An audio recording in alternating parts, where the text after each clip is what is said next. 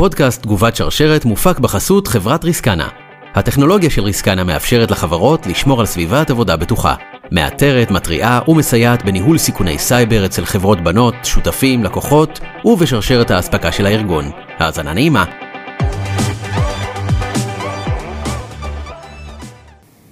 לפני כשלושה חודשים שמענו על ידיעה מפתיעה שלפיה מנגל קרלסברג טוען שרוסיה גנבה להם את העסק ולמעשה מלחמות משפיעות על עסקים ומדינות משפיעות על שרשראות אספקה. היום בפרק מאוד מאוד מיוחד ומעניין של תגובת שרשרת. אנחנו, יש לנו אורח מאוד מיוחד שיספר לנו על הקשר בין חיטה ודברים שנראים לנו הכי רחוקים מטכנולוגיה למתקפות ולארכיטקטורה. ונבין האם הבירה שבסוף מוגש לנו בפאב בסוף שבוע קשורה לספקים שלנו. אז ג'ינגל קצר ומתחילים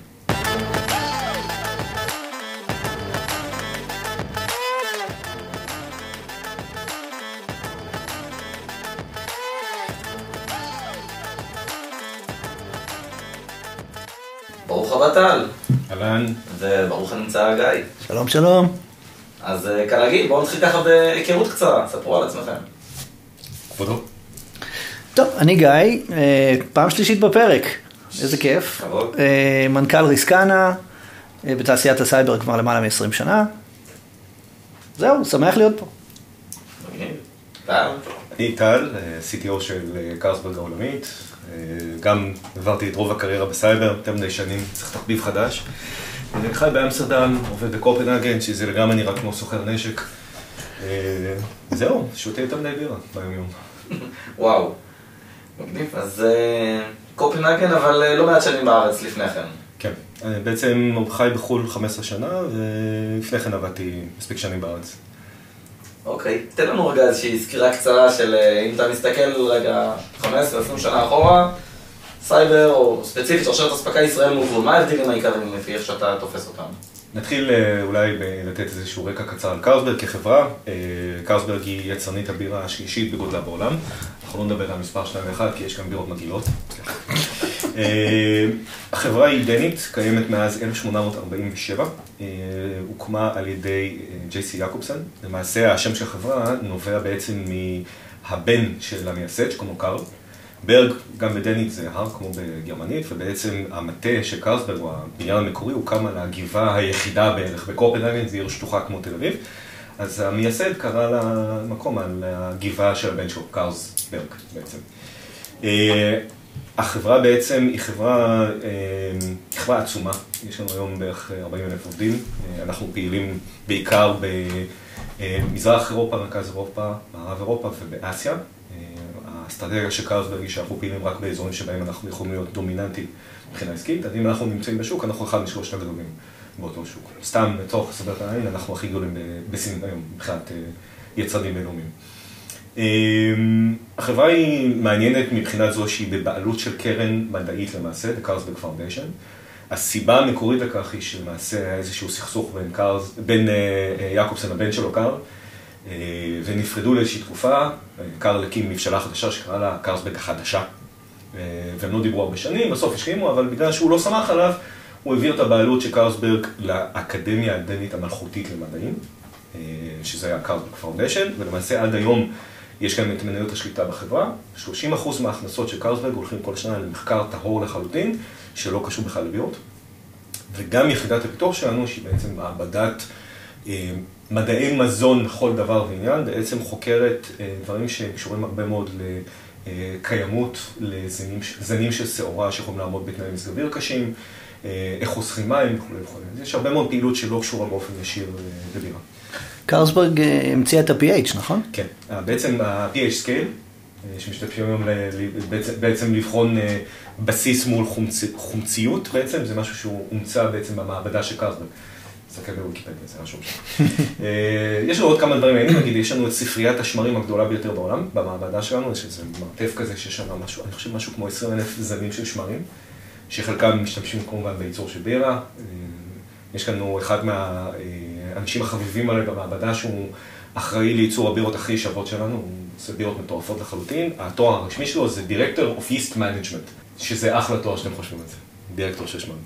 אז זהו, זה קרלסברג, אנחנו סך הכל יש לנו 140 ברנדים, אה, יותר מ-700 סוגים של בירות, אה, חלק מהבירות זה power brands שבעצם תמצאו אותם בכל מקום בעולם, כמו למשל קרלסברג, טובורג, אה, קרוננבורג 1664, סומרסבי, הסיידר. חלק מהבירות הן בירות מקומיות שתמצאו אותן רק בשווקים מסוימים, סתם לצורך העניין, אי פעם תטוסו להונג קונג, תשתו יאו, זה בירה מצוינת שעושים רק בהונג קונג, ובכל שוק יש לו את ה power brands המקומיים שלו. אוקיי. אני יכול לספר עוד קוריוז קצר אחד, אגב, power brands על אה, סומרסבי, שגם מוכרים אותו בארץ לדעתי, שזה סיידר אלכוהולי מצוין.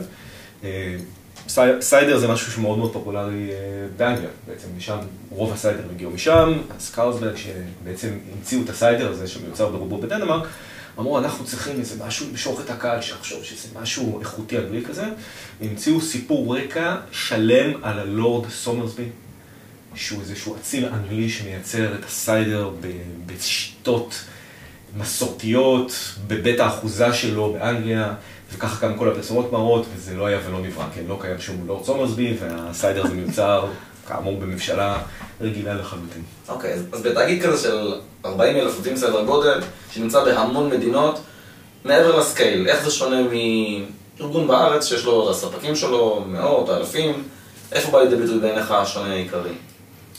אני חושב שקודם כל אתה צריך להסתכל על מה אנחנו קונים בעיקר. זאת אומרת, השרשרת האספקה שלנו למעשה זה ארגון שעומד בפני עצמו.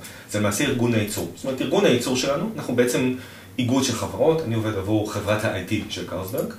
יש לנו איגוד של חברות שארגון הייצור אחראי על שרשרת האספקה. זאת אומרת, אלה שבעצם מייצרים כל אוויר, אבל בממשלות הם אלה שמביאים את כל הייצור, את כל שרשרת האספקה. למה? בגלל שרוב הדברים שאנחנו קונים היום זה דברים כמו שעורה, קשות, זכוכית, אלומיניום ואנרגיה ומים. זאת אומרת, דברים שבעצם בסופו של דבר עוני שנכנסים לבירה, או שמסייעים לייצור הבירה בתהליך הייצור. ואנחנו קונים כמויות מטורפות של הדברים האלה. ויש הרבה מאוד שיקולים שקשורים בעצם לאיכות החומרים, לאיך הם עומדים בתנאי מזג אוויר שונים, איך בעצם כל מיני סכסוכים שקורים בעולם משפיעים, ומאוד משפיעים על שרשרת האספקה שלנו, סתם לצורך העניין, שפרצה המלחמה באוקראינה, זה השפיע עלינו בצורה משמעותית, בגלל מחירי האנרגיה. אה, כי אה, כמו שאני מקווה שידוע שהאיחוד בעצם היה תלוי מאוד על אה, בעצם אנרגיה שהגיעה מגז טבעי ברוסיה והם החליטו לסגור את השלטר ולעבור מהר מאוד למקורות אנרגיה אחרים, העלויות האנרגיה קפצו בצורה מטורפת, מאוד השפיע עלינו. מעבר לזה, אוקראינה עצמה נקראת אסם התבואה של אירופה, הם אחראים לחלק גדול מהשעורה, תירס ועוד מוצרים נוספים שמיוצרים בעצם והם משווקים בכל רחבי אירופה, השפיע עלינו בצורה משמעותית, כי היה מחסור משמעותי בחלק מהמוצרים האלה לתקופה, וזה הקפיץ אה, את העלויות הייצור שלנו. ובבירות אתה לא יכול ישר להקפיץ גם את העלויות שהולכות ליצרן, כיוון שרוב היצרנים של הבירה, אתה יודע, אם יתגלו למחרת שקרסברג, המחיר שלה קפץ פי שתיים, פשוט ילכו אולי מתחרה, שכבר נדבר עליו, כי הבירות שלהם מגעילות כידוע, אה, ובעצם אה, לא, אין כאילו consumer, יכול לך ביטוי, consumer sentiment, מספיק גבוה לבירות. לא ידעתי. כן, בדיוק. אין, אין כזאת נאמנות למוצר, נגיד, אם אתה תעשה, אותו דיון לגבי אייפון או, או, או אפל, אז הדיון יהיה שונה לחלוטין. בירות זה הרבה אנדרואיד. נצטרך לערוך את זה. מה אמרתי? אפל או אייפון. אייפון, סליחה, כן, אנדרואיד, כן. תמזוג לנו קצת סאקי, סתם. אז זהו, אז זה בעצם, ההבדל, שבעצם זה כמויות אדירות, שזה הרבה פעמים זה הרבה לואו-טק. אה, גם עליי זה משפיע בתור מי שאחראי כל נושא של אבטחת מידע, זה משפיע בגלל שהרבה פעמים חברות שמייצרות זכוכית, או שהן אה, מטפלות בתבואה, זה לא חברות שיש להן בכך דגש גבוה על סייבר, אבל אה, הן מרכיב קריטי בשרשרת הייצור שלי. זאת אומרת, אני צריך איכשהו לשכנע חברות כאלה, גם לתת לי תשובות על מה קורה איתן. נכון. אז גיא, באמת אולי, כשאתם נמצאים במדינות שונות, ואתה רואה בעצם חברות שהן הייטק מול ממש לואו-טק בקצה, כמו ש... אומרים לנו חברות שמייצרות זכוכית או, או חיטה. איך הגישה שלהם? חברות ש... כי אתה יודע, יש ביטוי כזה נורא נורא שגור, שכל חברה היא חברת דאטה היום, זה עדיין קיים שזה... אז האמת, האמת שזה הרמה להנחתה קצת, כי כשטל אמר שהרבה מהספקים שלהם הם כאלה שלא שמות דגש על, אה, על אבטחת מידע, אבל מצד שני הם, יש, יש להם, עלול להיות להם אימפקט גבוה, או יש להם אימפקט גבוה על שרשרת האספקה. אה, אז באמת, אתה יודע, מה שקפץ לי לראש זה זה שברוב הארגונים, כשמנהלים את הסיכונים של שרשרת האספקה, ועוד פעם, אני מדבר על סייבר ו-IT, אה, פחות מסתכלים על, ה, על האספקט הזה, זאת אומרת, המודעות של אנשי ה security לחפש ספקים שעלול להיות אצלם, עלול להיות אצלם אירוע אבטחה, אה, אבל ההשפעה תהיה דרך הייצור ולא דרך ה-IT, המודעות היא נמוכה יחסית. זאת אומרת, כש, כשעושים דירוג, יש תהליך כמובן, אה, תהליך יחסית מוקדם בניהול סיכוני סייבר בשרשרת האספקה, שזה תהליך הקלסיפיקציה של הספקים. אז אנחנו תמיד עושים את זה, יש לנו, כמו כל דבר, מתחלק לשלוש, נכון? אנחנו מחפשים את אלה שיש להם, אה, או שהם מקבלים מידע רגיש, או שיש להם חיבור לתוך הארגון.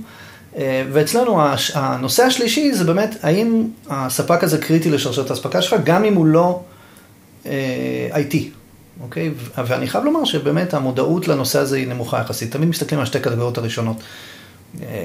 הוא מתחבר אליי ב-VPN, הוא, לו, הוא נכנס לי ל-ERP, וואטאבר, או שאני, זה אולי עורך דין שאני שולח לו חוזים רגישים, תמיד מסתכלים על הצד ה-IT, העולם הולך ל-IT כמובן, Digital Transformation והכל, אבל תמיד אני אומר, חבר'ה, אם, אם יצרן אורינגים, שבלעדיו אתם לא יכולים לעבוד, חוטף ransomware, זה בדיוק אותו דבר, אם לא יותר גרוע, הרבה פעמים.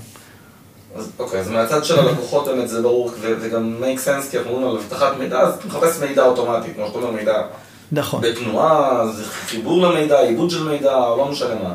ופה אתה מדבר על עולם שהוא מישהו שסוגר לי פקקים פיזית, או איזה שם ספק מיזוג האוויר שלי, והוא יכול באמת, כמו שאתה אומר, סופר קריטי, זה בחדרי ניתוח, במעבדות, או בכל מיני מקומות, המיזוג יכול להיות באמת אה, להשפיע על הדוחות הכספיים או על הבטיחות.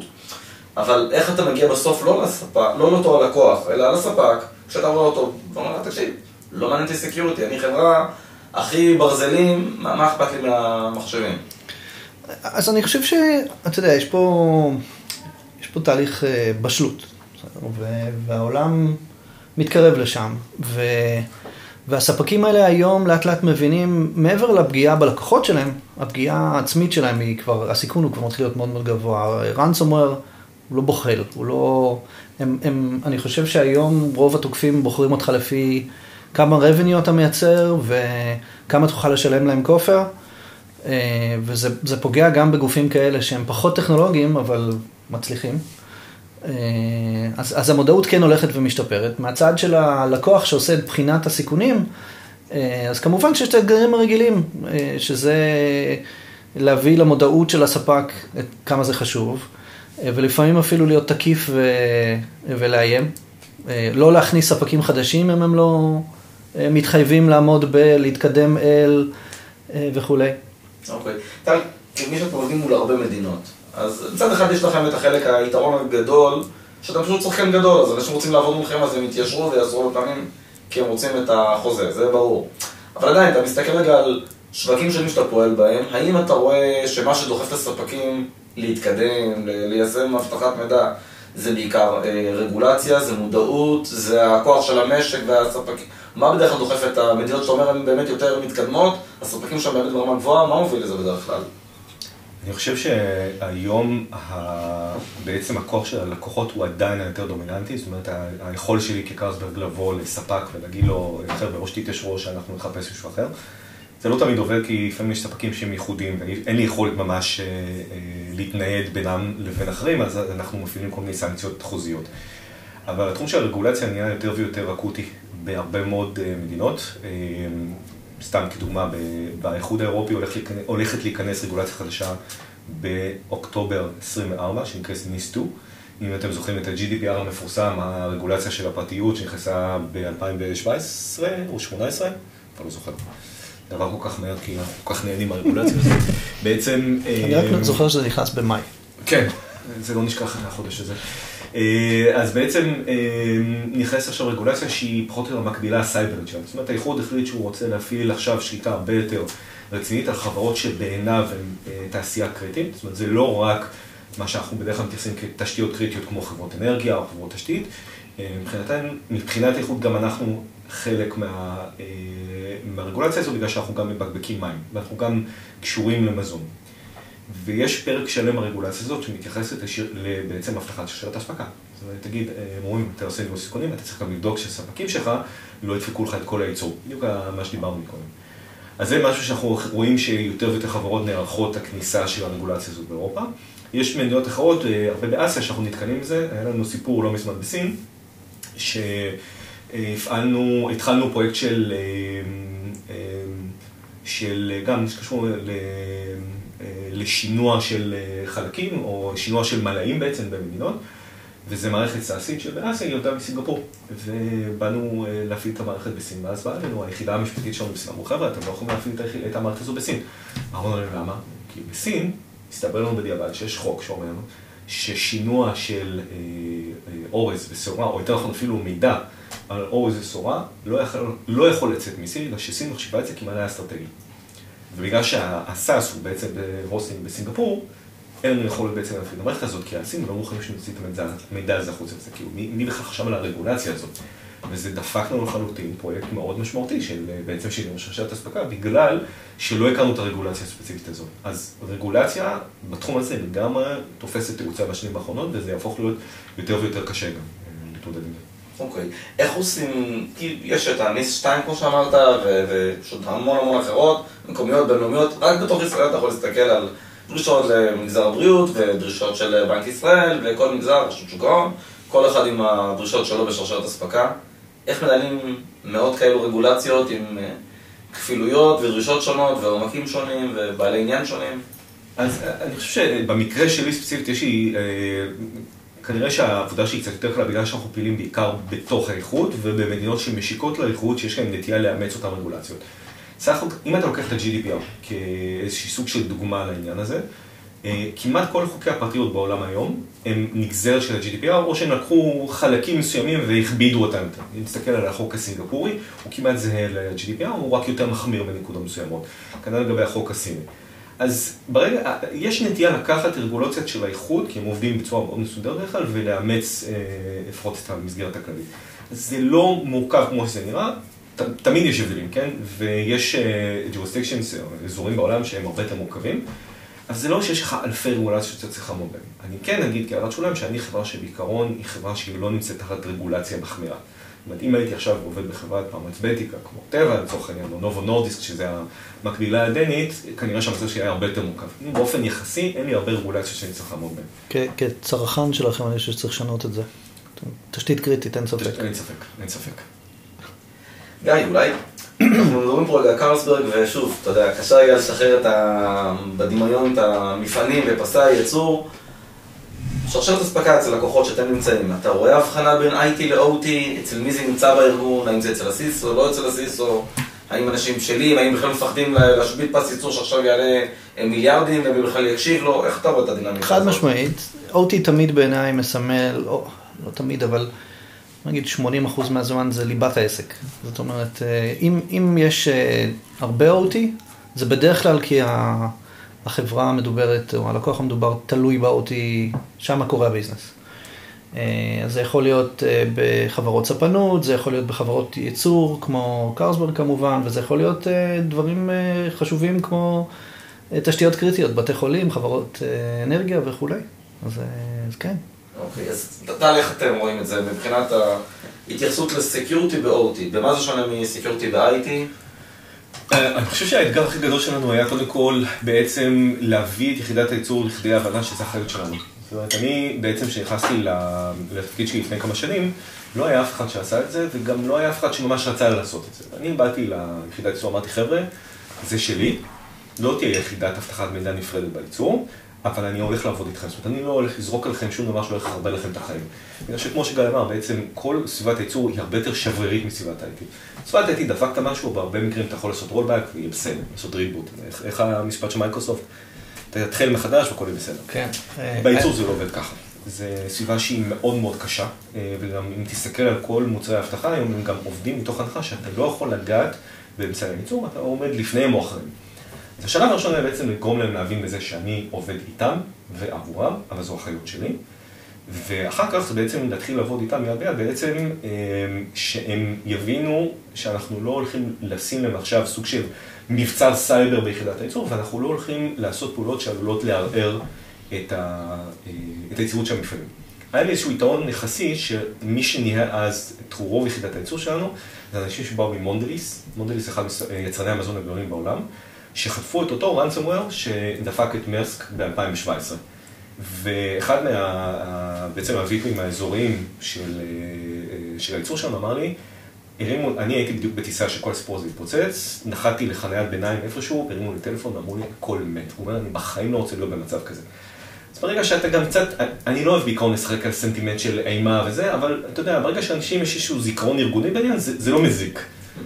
היום לכולם כבר יש כזה, אני חושב. כן. נכון. עכשיו, אוקיי, אז מאזינים, מאזינות לנו סיסטרים שאומרים, טוב, אני אולי לא ספק ה-OT, אבל אני לא הגוף ה-OT, אבל יש לי ספקי OT, כמו שאתה ציינת את ספק הזכוכיות, אותו מפעל, אז גם לארגונים רגילים יש נניח איזשהו פס ייצור שהם תלויים בו. מה בכל זאת אפשר לבקש מהם לעשות? איך עושים שם אודיט שונה? איזה דרישות אבטחה? מה הם מדגישים בעצם לארגון שלו? אוקיי, יש לי ספקי OT, יכול להיות כאלה של כניסה לבניין, או, או סנסורים כאלה ואחרים. מה אפשר באמת לבקש מהם כספקים שלנו?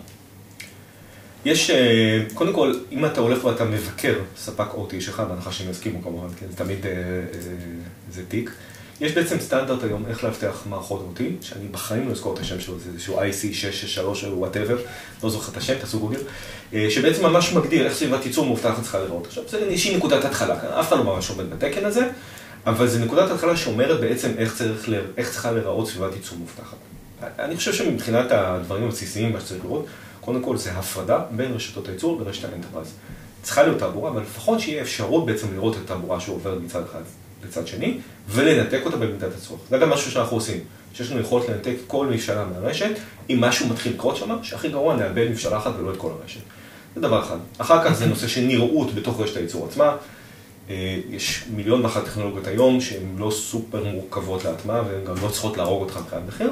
שתראה בעצם מה קורה ברשת, אם יש לך מכשירים שמדברים באינטרנט. היום, הרבה מאוד ממכשירי ה-OT היותר מודרניים, יש להם built-in Wi-Fi בתוך המכשיר, והרבה פעמים הספקים עצמם מפעילים את המכשירים האלה בשביל תמיכה מרחוק, ולא תמיד אומרים לך שהם מפעילים את התמיכה המאוחדת הזאת. אז יכול, יכולה להיות לך יחידת ייצור שמדברת עם האינטרנט, שאתה אפילו לא יודע שהיא מדברת עם האינטרנט. אז תראה איזה תעבורה יש, תראה לאיפה זה הולך, ואז לאט לאט אפשר להתחיל לסגור שירותים שצריכים להיות.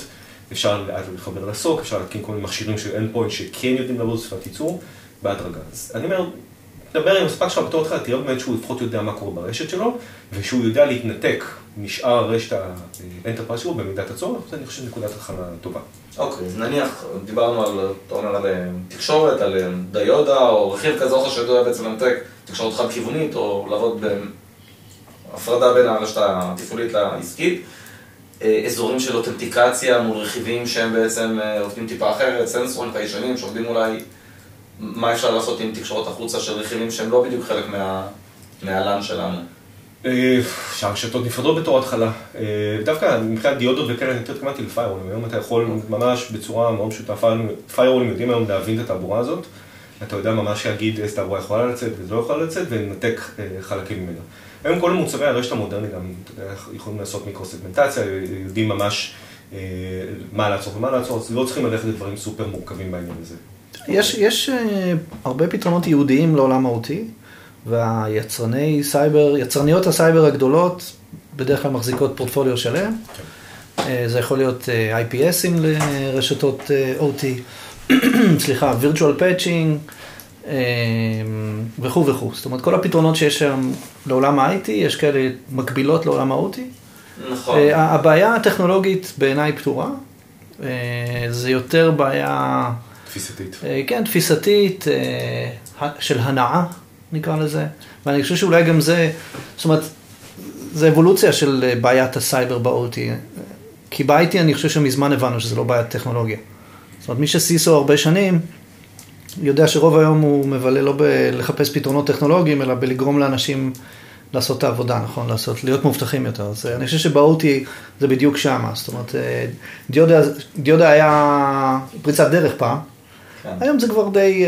כן, אני לא מדבר על ווטרפול שהם כבר שנים על הכביש. בדיוק, נכון. אפשר לראות עדיין לא מעט סטארט-אפים שעדיין קנים ממש, עוד אפשר לקרוא להם מונחים היסטוריים עדיין חדשים מאוד, יוניבים לתקשורת ברמת הסים אותנטיקציה ל-IoT. וסיגה שעוסקים הרבה הרבה בתקשורת ברמת ה-Layer 0, מה שנקרא ב-OT, זאת אומרת, עדיין סטארט-אפים שטוענים שזה לא בדיוק סיים סיים, זה סיים סיים different, כלומר... אה, לא, זה- זה, אחר לגמרי, זה לא כמו IT, אבל הפתרונות כבר יש, ישנם. זאת אומרת, אה, זה, אתה לא צריך לחפש פתרון לבעיה חדשה. זאת אומרת, כן. הבעיה מוכרת, היצרנים כבר בשלים, הפתרונות כבר נמצאים. כשאתה רוצה לעשות סגמנטציה ברשת OT, יש פתרונות שעושות סגמנטציה ברשת OT. יותר טובים, פחות טובים, אבל, אבל זה לא שאתה צריך עכשיו לחפש אה, אה, איזשהו פתרון אזוטרי איפשהו, היצרנים כן. הגדולים עושים את זה. אנחנו, אה, אולי, אולי אני יכול לספר שאנחנו במסגרת הפרויקט של הברד, אה, עובדים יחד עם טרנד מייקרו למשל, שהיא יצרן מאוד מאוד גדול, ויש להם חטיבה שלמה, חברת בת שלמה שנקראת TXOne, שבמקרה אני יודע שקרלסברג משתמשים בה, עוד לפני שאנחנו אה, שיתפנו פעולה. אה, וזו חברה שזה כל מה שהיא עושה, יש להם ממש המון פתרונות לעולם, ה, לעולם ה-OT. אה, אני לא רוצה להגיד שזה פשוט, כי זה, כל דבר שאתה עושה ב-OT הוא בעיה, ולכן בעיית ההנאה אולי היא בעיה יותר קשה לפעמים. אה, אולי אני יכול ב, ב, בהקשר הזה לספר ששוחחתי עם סיסו של חברת ספנות מאוד גדולה לאחרונה, והוא סיפר לי שהספינות שלהם אה, עוברות תהליך של, הוא קרא לזה dry dock, שזה בעצם אה, מוציאים אותה מהמים לצורך העניין לתחזוקה אחת לחמש שנים, נכון? כי העלויות הן כל כך גבוהות, ורק אחת לחמש שנים מותר לעשות patching. זאת אומרת, אם, אם ב-IT יש לנו בעיה לדחוף את האנשים לעשות patching, תחשבו שאפשר לעשות patching רק פעם עוד- בחמש שנים. זה עוד מקרה טוב. כן. כשהייתי במערך סייבר אז ליווינו תהליך של אה, חברות שמגיעות לארץ ומכניסות ובאות לשאוב גז מתוך המים. מהמם. כשהציוד הזה נכנס לתוך המים אתה לא מוציא אותו כל חמש שנים. יפה. אז אה, כן, יש אתגרים אה, של עשרות שנים. אה, עכשיו אנחנו משתמשים באודיטורים ויש המון דילמות ומתח סביב ה... עד כמה אני סומך על הדוח, סוקטו, או מה שלא מביאים לי, עד כמה איזו זה טוב, רע, לא, לא כ- כסטנדרט, אלא כפרקטיקה בחיים, זאת אומרת, זה, זה לסמן וי כזה, והאם אתה רואה פה בדברים האלה הבדל בין ההתייחסות בחוץ לארץ ל- ל audit, למבדק לתקינה, לבין ההתייחסות בארץ, ומה זה נובע. חד משמעית. אני, עכשיו אני, אני אגיד, אני אשים איזשהו דיסקליימר שהפעם האחרונה שעשיתי ISO בארץ זה היה לפני הרבה שנים. אני, אז אני לא יודע איך התחום אה, התפתח מאז, אבל בזמנו אחד מהדברים שעשיתי זה בעצם ללוות ארגונים לעשות הסמכה ל ISO. זה, ואז עברתי בעצם אה, להולנד ועשיתי, אה, בארגון שעבדתי בו אז, עבדתי בקנון הרבה שנים, ובעצם עזרתי להם לעשות הסמכה לאיזו, זה שמיים בארץ. זאת אומרת, רמת הידע של האודיטורים והרמה שהם יורדים אליה, זאת אומרת, אתה לא יכול יותר לעשות את הפרטאצ' הישראלי שיהיה בסדר. זאת אומרת, אם אתה לא מראה את רמת ההוכחות שהאודיטור מצפה, גמרנו. והמבדקים החוזרים והרמת של הבדיקות, זה היה פול טיים ג'וב כמעט, לתחזק את האיזו הזה.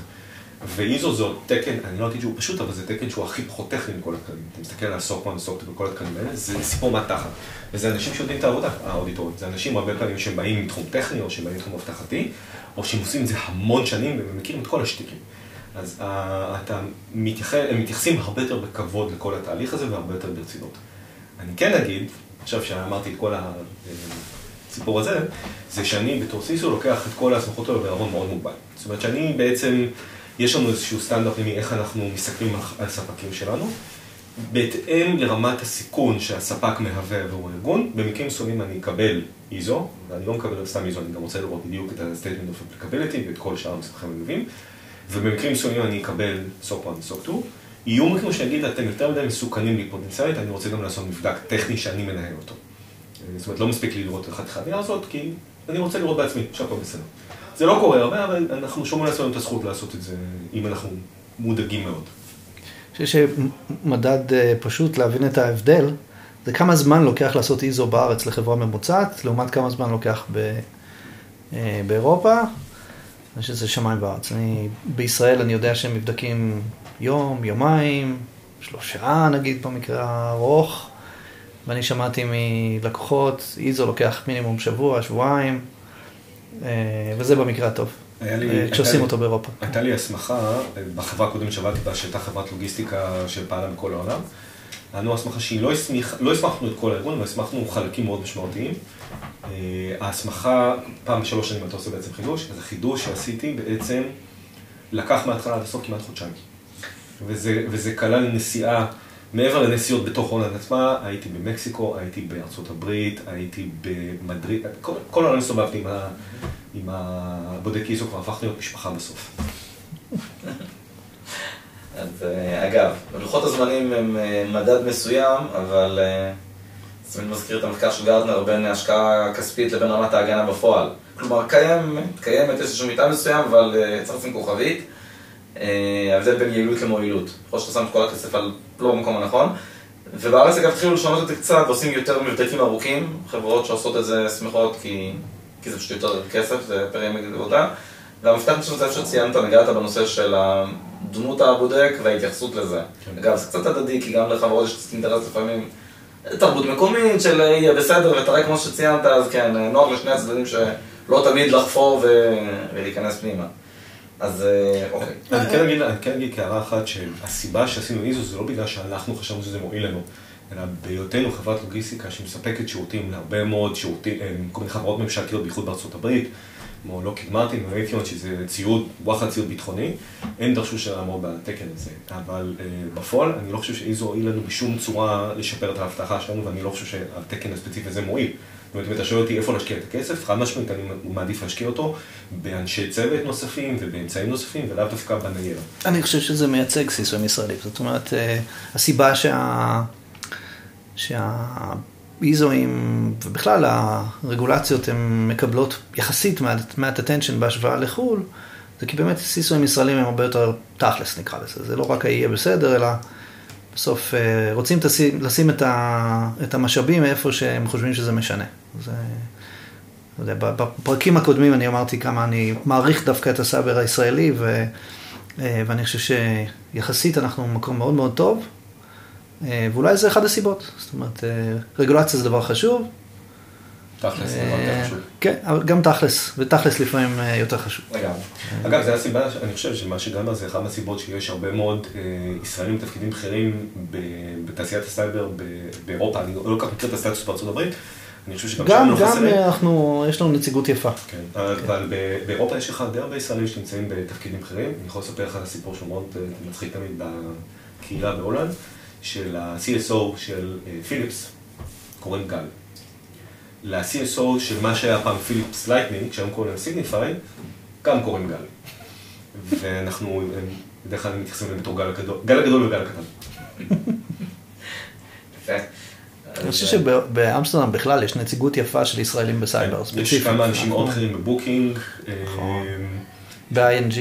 ב-ING, כמעט כל יחידת ה-R&D של הסייבר שלהם בעצם מנוהלת על ידי ישראלים. אה, יש שם עוד כמה, יש, יש אה, קבוצה מאוד רצינית אה, באמסטרדם ספציפית של ישראלים בתחום הזה. אוקיי. אז אולי ככה לקראת סיום, אם אתה צריך לתת איזשהו טיפ אחד או שניים למאזינים ומאזינות שבעצם הם סיסואים או אלה שאחראים על שרשרת האספקה בארגון שלהם, מה לבדוק, לזכור, לקחת לעצמם מחר לבוקר או בשנת 2024 בהיבטים של OT ובהיבטים של עבודה מול ספקים בחו"ל. מה בעצם השניים שלושה דברים שצריך לתת עליהם את הדעת? אני חושב ה-OT, בעצם הדבר הכי חשוב זה בעצם אה, משהו שגם גיא אמר שזה כבר לא הבלתי אפשרי שזה היה בעבר. זה היום הרבה יותר אפשרי ממה שזה היה, אה, ממה שזה היה בעבר, גם מבחינת פתרונות טכנולוגיים, באמת הגישה היא הדבר החשוב. זאת אומרת, להרגיע את אנשי הייצור, שהכל יהיה בסדר, שאנחנו לא נהרוג לכם את המפעל, אה, אבל תעבדו איתנו. אני חושב שבסופו של דבר כולם רוצים לעבוד, זה רק להרגיע אותם באמת קצת. זה דבר אחד. לגבי לעבוד עם ספקים מחו"ל, באמת לשים איזושהי עין על רגולציה מקומית, ולא בהכרח לקבל כמובן מאליו את כל התשובות שהארגון נותן לכם. זאת אומרת, פה אני אצביע על מנכ"ל רסקאנה ואני אגיד שכל המוצרים בעצם שהם מסתכלים על ה-tax surface של הספקים, נותנים מידע מאוד מאוד שימושי. שיכול לייצג לך מה שקורה בתוך החברה. זאת אומרת, לא תמיד אתה תדע בדיוק מה שקורה, אבל זה יכול לתת לך איזשהו טיפ על מה שקורה. אם אתה רואה שרת אחד או שניים שהם מאוד מאוד, סבבה, כולם יש כאלה, תמיד יש אחוז מסוים. אבל אם אתה רואה שם דברים, אתה יודע, שלא עברו פאנצ'י כבר שנים, ואתה רואה מיליון ואחד שרתים של Windows 2008, יש איזושהי בעיה שצריך לנהל את השיחה על הספק. מעולה. גיא, יש איזשהו... כן, אני, אני חושב שטל מאוד צודק, ואני חושב שאם יש לי משהו להגיד בנושא הזה, ויש לי הרבה מה להגיד, אבל אם יש משהו ככה הפינקל הזה, תנסו להבין אם אצל הספק שלכם יש תרבות של סקיורטי, ולא אם יש סקיורטי. זאת אומרת, אה, אה, אם הדבר הזה הוא שורשי, יורד מהנהלה, הוא חלק מההוואי של החברה, ולא קישוטים ששמו אותם שם כדי להגיד שיש, כדי שאתם לא תעיפו אותם כספק וכולי. מעולה. חושב שעצות מעולות. אז uh, תודה רבה שהייתם איתנו בפרק הזה. תודה, תודה, היה תענוג, איזה כיף. תודה שהזמנת אותנו. אז uh, תודה שהייתם איתנו בעוד פרק של תגובת שרשרת. אם אהבתם, אתם כמובן מוזמנים ללחוץ לייק, לשתף את הפרק ברשתות. אנחנו זמינים בכל אפליקציות הפודקאסט הנפוצות. אז תודה רבה ונתראה בפרק הבא.